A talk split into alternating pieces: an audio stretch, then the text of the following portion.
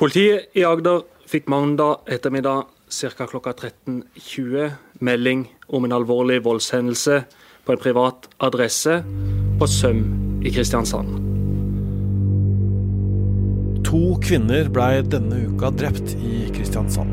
Den antatte gjerningsmannen meldte seg sjøl etter kort tid. De drepte var kona og dattera til den drapssikta mannen. Hva er det egentlig som har skjedd? I denne episoden skal vi fortelle det vi veit, og så skal vi høre mer om hva som preger drapsstatistikken i Norge. Hvem er offeret, og hvem er det som dreper? Jeg heter Tor Erling Tømt Ruud, og dette er Krimpodden i VG.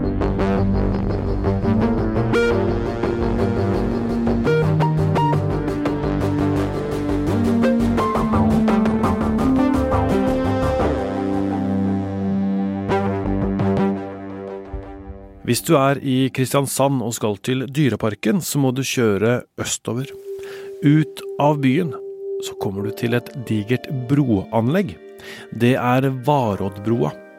Og på den andre siden av den broa så ligger boligområdet Søm. De som bor i husa nærme broa, kan høre dunk fra bilene som kjører over betongen hele døgnet. Det var dit politiet rykka på mandag 28. mars 2022.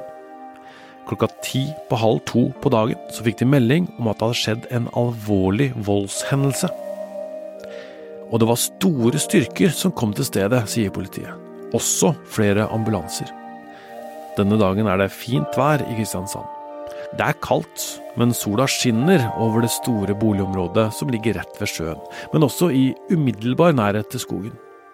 De fleste som bor her, har utsikt til havet, og folk har etablert seg og bor her livet ut.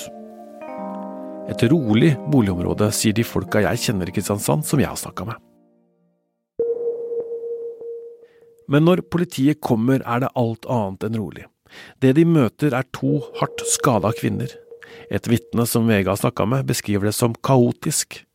Ambulansepersonell løp, politiet løp, alle løp, sier vitnet, som anslår at det var minst åtte ambulanser og åtte politibiler på stedet. En ungdomsskole ligger i nærheten av der hendelsen skjedde. Mange barn som var på vei hjem fra skolen blei stående og se på at den ene skadde personen blei frakta ut på båre.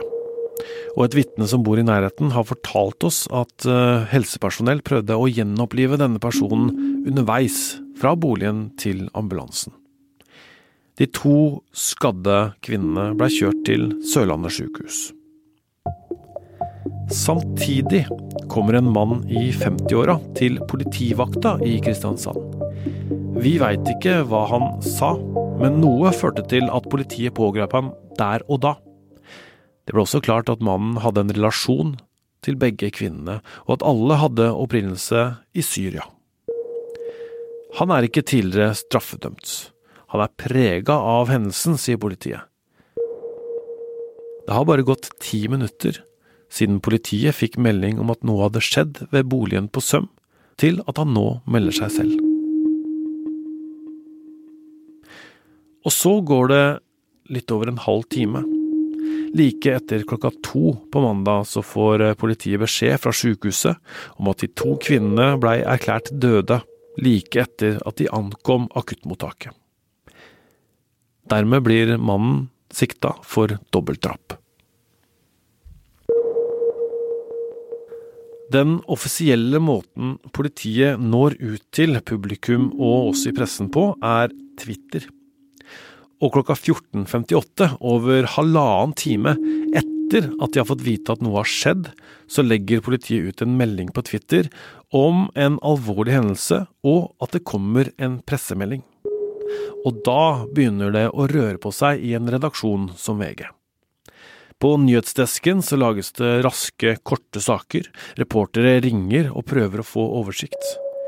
VG har ikke faste reportere på Sørlandet, men akkurat denne mandagen så er en journalist og fotograf i byen i forbindelse med en helt annen sak. De drar ut til Søm og snakker med naboer og vitner om hva de har opplevd. Og samtidig så gjør reporter Vilde Elgåen seg klar til å reise til Kristiansand.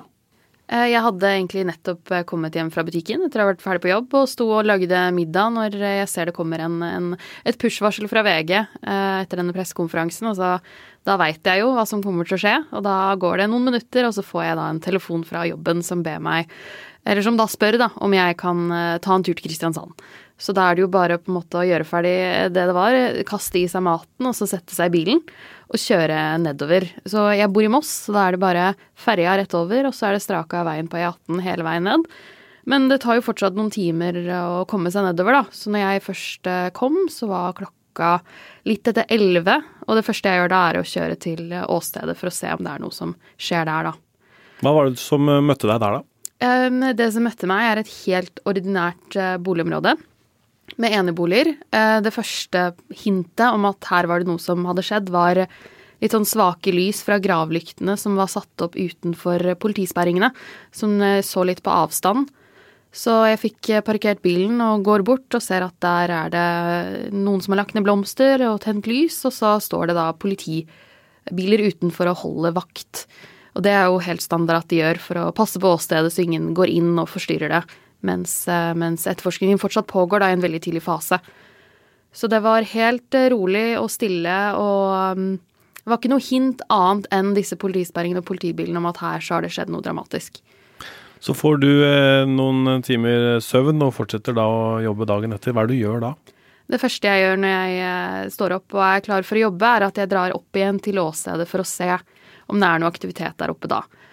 Da er det noen nye blomster som har kommet til, og så er det Kripos som kommer etter hvert da, i disse klassiske grå varebilene sine. Da blir det jo åpenbart at Agder politidistrikt har fått bistand fra Kripos for å utføre tekniske undersøkelser. Um, så da kommer jo de i sine hvite dresser og bærer ting inn og ut av, boligen. Samtidig som politiet fortsetter vaktholdet sitt. Um, det er fortsatt rolig i nabolaget. Det er ikke noe mye aktivitet rundt annet enn akkurat, eh, akkurat inne i huset der. Hvorfor har det vært vanskelig for politiet å avhøre den mannen som er sikta? Det snakket jeg med hans forsvarer om eh, da jeg var der nede i Kristiansand, og han forteller at eh, klienten hans er veldig preget av det som har skjedd, og at han er innlagt på sykehus og får medisinsk behandling. Um, og mens han er det, så, så, har ikke politiet funnet en god måte å få han avhørt på. Det er ikke sikkert han er i en tilstand som gjør at han kan avhøres.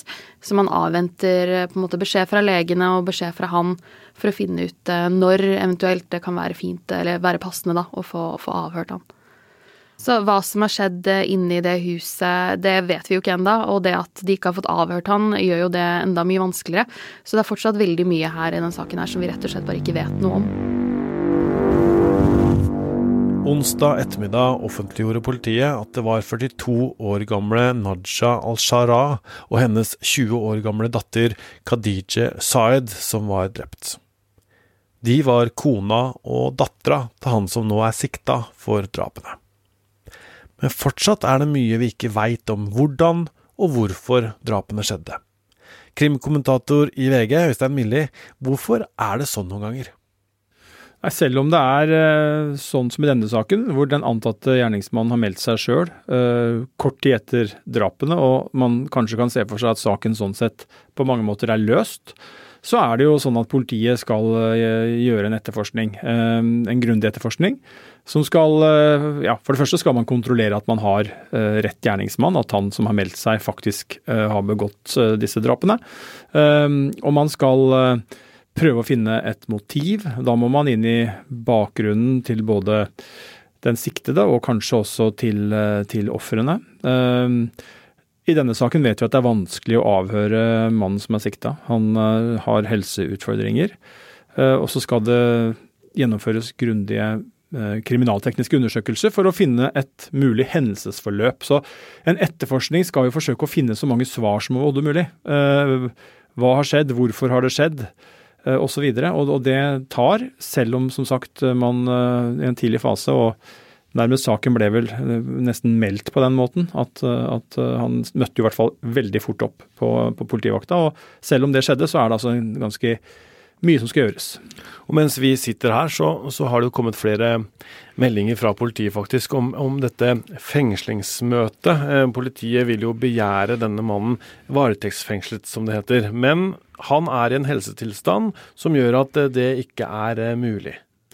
Ja, og det, det skjer fra tid til annen. Og da er det jo helsevesenet som vurderer om han er, er skikka til å sitte da på en vanlig varetektscelle, eller om man må være i en helseinstitusjon. og så er det av og til sånn at uh, noen uh, blir bedre og friskere, for å bruke det uttrykket, i løpet av noen dager etter en pågripelse, og så kan overføres til fengsel.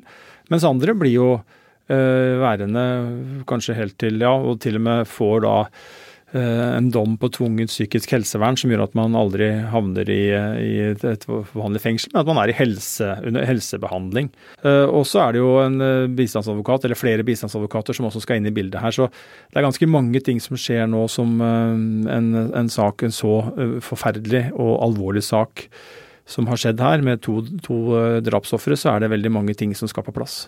Dette er jo et en drap som skjedde i Kristiansand denne uken. Det er to eh, drapsofre og en antatt eh, gjerningsmann. Eh, hva slags drap har vi som regel med å gjøre her i landet? Det finnes jo ulike typer eh, drap, for å kalle det det. man har jo de overlagte, planlagte, eh, som kan være Eh, mot en ektefelle, men det kan også være noen eh, utenforstående. Eh, man har av og til det som blir betegna som, som, gjengdrap. Man har tilfeller av ja, gjerne psykisk syke, kanskje, som dreper vilkårlige, som vi dessverre har sett noen eksempler på det siste året også. Og så er det vel den sekkeposten som flest drap sorterer inn under, og det er det du kan kalle drap i nære relasjoner.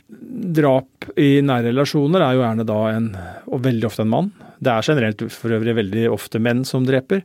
Um, og så er det jo I nære relasjoner så er det ofte en mann som dreper en kvinne han har eller har hatt uh, en relasjon til.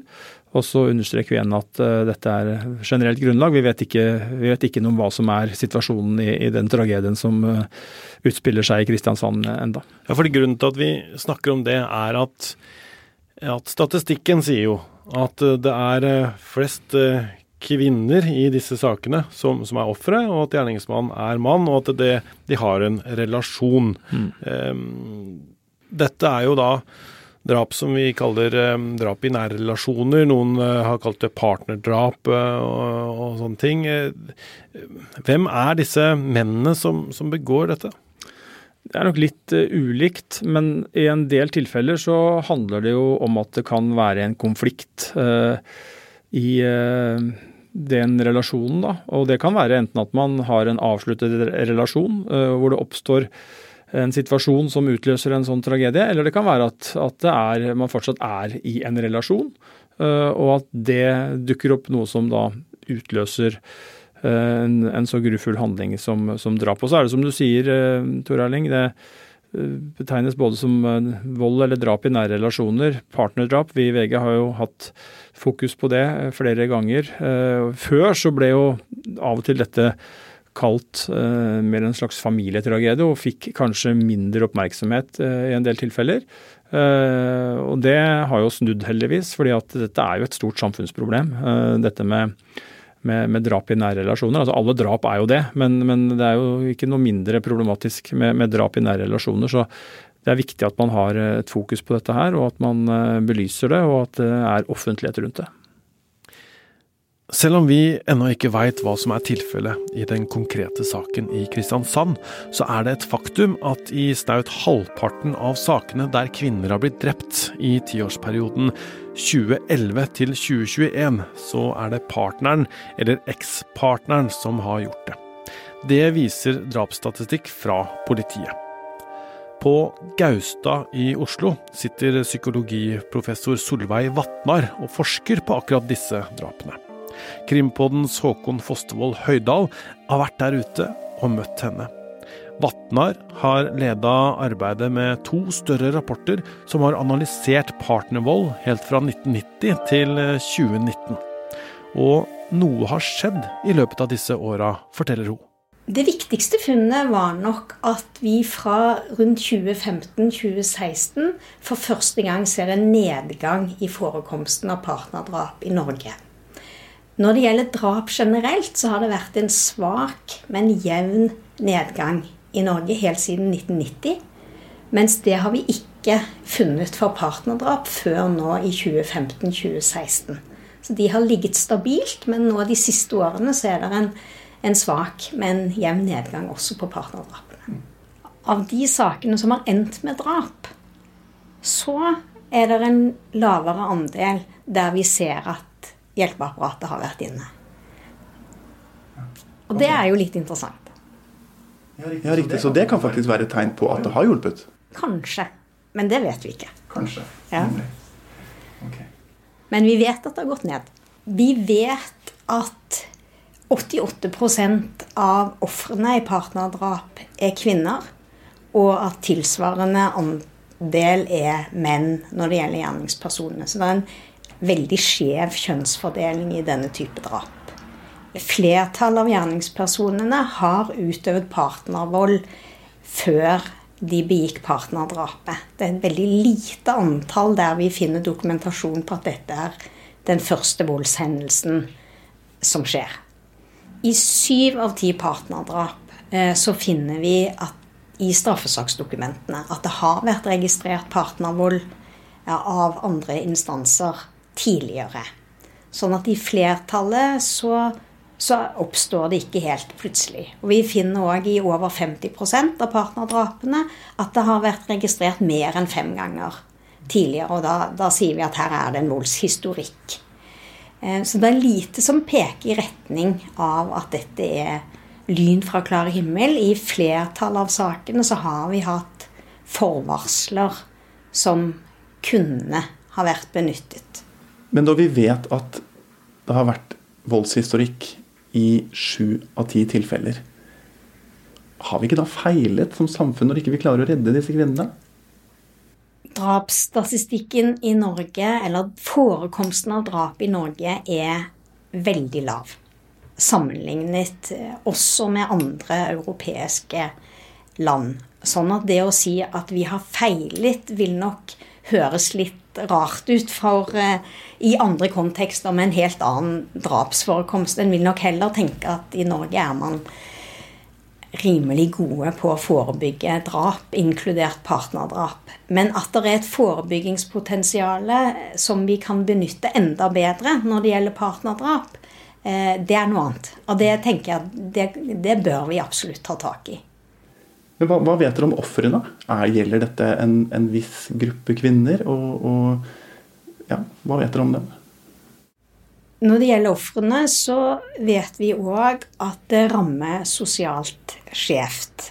Altså, alle kan bli rammet, men, men, slik som alvorlig kriminalitet, så rammer også denne formen for alvorlig kriminalitet sosialt skjevt. Og, og mange av de som blir drept i partnerdrap, har også andre eh, typer levekårsutfordringer og, og risikofaktorer knyttet til seg og sin situasjon vi ser at eh, rusproblematikk, svak tilknytning til arbeidslivet, det å være isolert eh, det å ha lite kjennskap til det norske samfunnet, f.eks., kan være risikosituasjoner.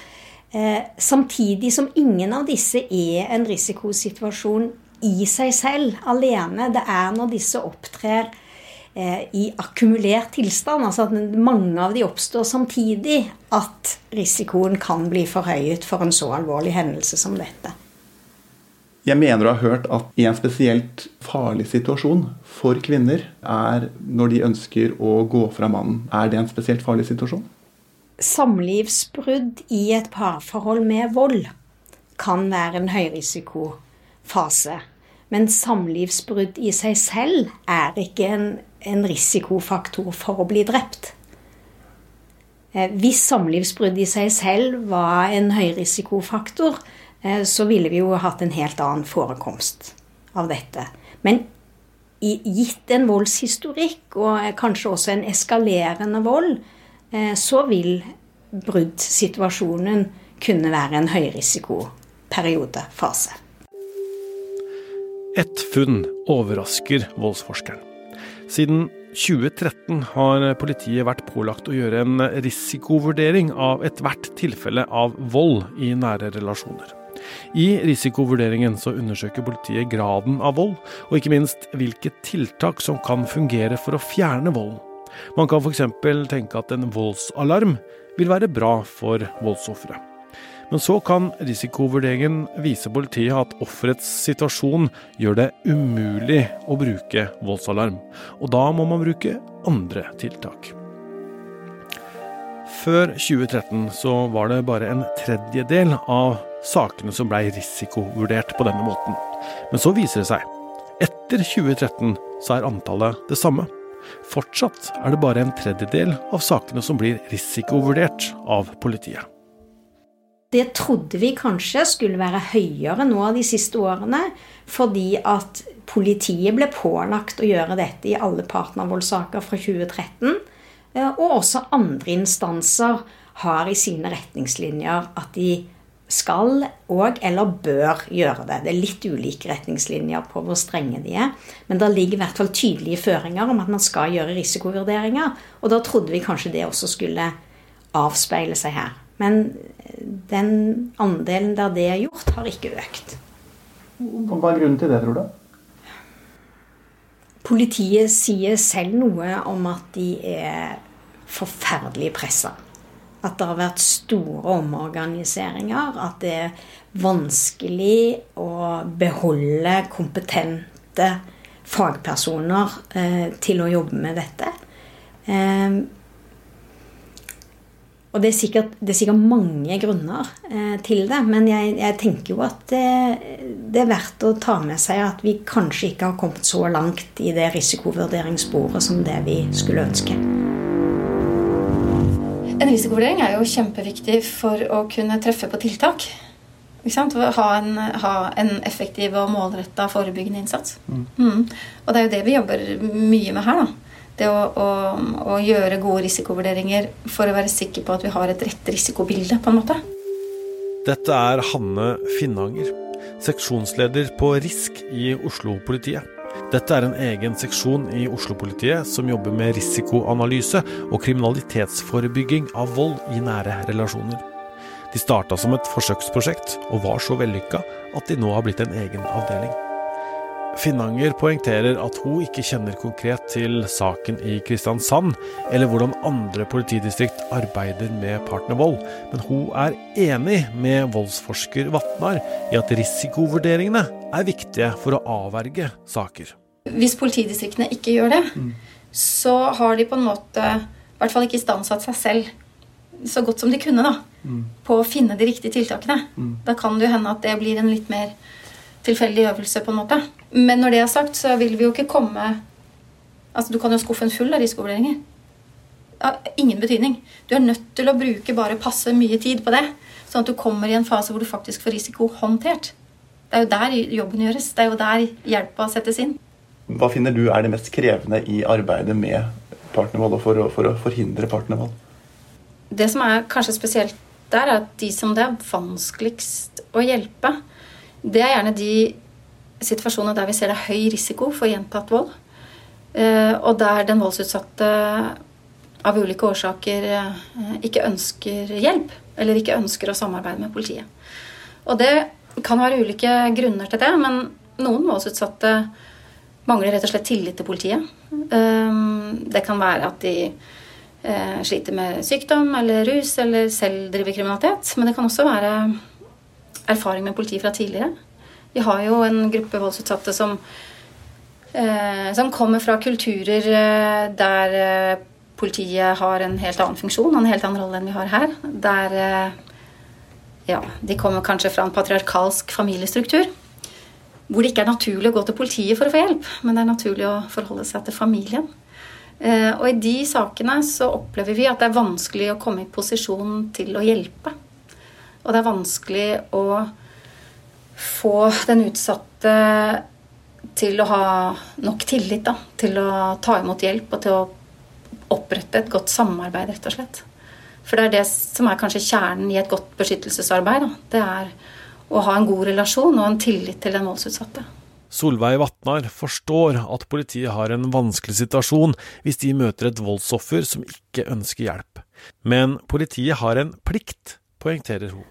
Jeg vet at det er svært utfordrende, eh, og i hvert fall å bygge opp en straffesak hvis eh, den som er utsatt, eh, ikke tør, ikke kan, ikke vil avgi forklaring eller ikke ønsker å bidra. Samtidig så vet vi at det er for mange en del av det å være voldsutsatt. Altså noen blir truet til å ikke bidra. Eh, sånn sett så har vi jo muligheten med offentlig påtale. At de kan reise sak selv om den fornærmede ikke ønsker det selv. Men det, det er jo veldig mye mer krevende å reise en sak hvis, de, eh, hvis den fornærmede trekker, eh, trekker forklaringen sin. Samtidig så har vi loven om avvergeplikt i Norge. Eh, der vi kan være pliktige til å gripe inn i saker med alvorlig partnervold, selv om ingen av partene ønsker at vi skal gripe inn. Så vi kan ha en plikt til å forebygge eh, uten samtykke. Og det, det, er jo veldig krevende, men, eh, men sånn er avvergeplikten satt opp. Så du mener at politiet i disse situasjonene bør gå imot kvinnenes ønske om at det ikke skal skje noe? om at ikke det skal gjøres noen ting?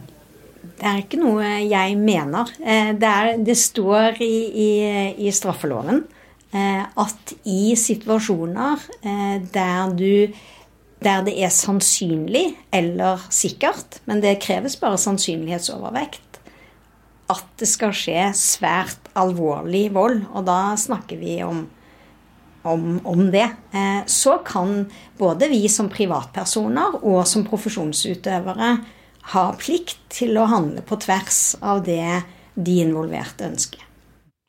Hanne Finnanger ved Stovner-politiet i Oslo igjen. Det er viktig med en avvergeplikt, og det er kjempeviktig med etterforskning. Men for mange voldsutsatte så løser jo ikke det nødvendigvis problemet. Der det er grunnleggende mistillit til politiet, eller at man ikke ønsker samarbeid, så, så blir det en lang prosess. da. Eh, og vi har eksempler på det der, der vi eh, har fått f.eks. noen som har benyttet seg av vergeplikten og varsla oss, og vi tar kontakt. Eh, og det er ikke helt unaturlig da at vi kan bli avvist. At de nekter for at det er vold, og at de ikke ønsker hjelp, at ikke de ikke trenger hjelp. Og hvis vi da har en situasjon hvor vi mener det er høy risiko for gjentatt vold, og vi har en voldsutsatt som ikke eh, ønsker hjelp, da har vi en utfordring. Men du snakker om avvergeplikten. Ja. Der har dere jo en avvergeplikt. Til, ja. altså når dere vet at det er stor fare for vold, mm. så har dere jo en plikt i å gripe inn. Mm. Kan dere da velge å ikke gjøre det? Nei, og det prøver vi jo, og det gjør vi jo. Men du vet, om vi f.eks. da gir noen en voldsalarm, så hjelper jo ikke det hvis ikke hun vil trykke på den. Og hvis vi utsteder et besøksforbud, så hjelper det heller ikke om ikke hun avviser han når han kommer. Så vi på RISK tenker at noe av det viktigste arbeidet i å beskytte voldsutsatte er å istandsette henne til å nyttiggjøre seg disse beskyttelsestiltakene. Det er som du sier, vi har en plikt til avverge med de verktøyene vi har. Og så er det noe med at politiet klarer ikke dette alene. Vi er nødt til å jobbe tett med lokalmiljø og andre hjelpere for å klare å komme i en posisjon for å hjelpe. Og for å klare å støtte voldsutsatte eh, nok til å ta imot hjelp. da. Og så er det sånn at når vi i Krimpodden dekker løpende krimsaker, sånn som denne som skjedde denne uka i Kristiansand, så dukker det opp eh, nye detaljer underveis, og flere ting blir offentliggjort løpende. Så når du hører denne, så kan det allerede være detaljer kjent i denne saken som ikke vi har fått med i Krimpodden, fordi vi spiller inn dette her onsdag ettermiddag. Denne episoden er laga av Håkon Fostervold Høydal, Vilde Elgåen, Øystein Milli og jeg, Tor Erling Tømtrud. Ane Muladal, Hanne Kristin Jardar og Kristina Kvist har bidratt. Produsent for Krimpodden er Vilde Vår.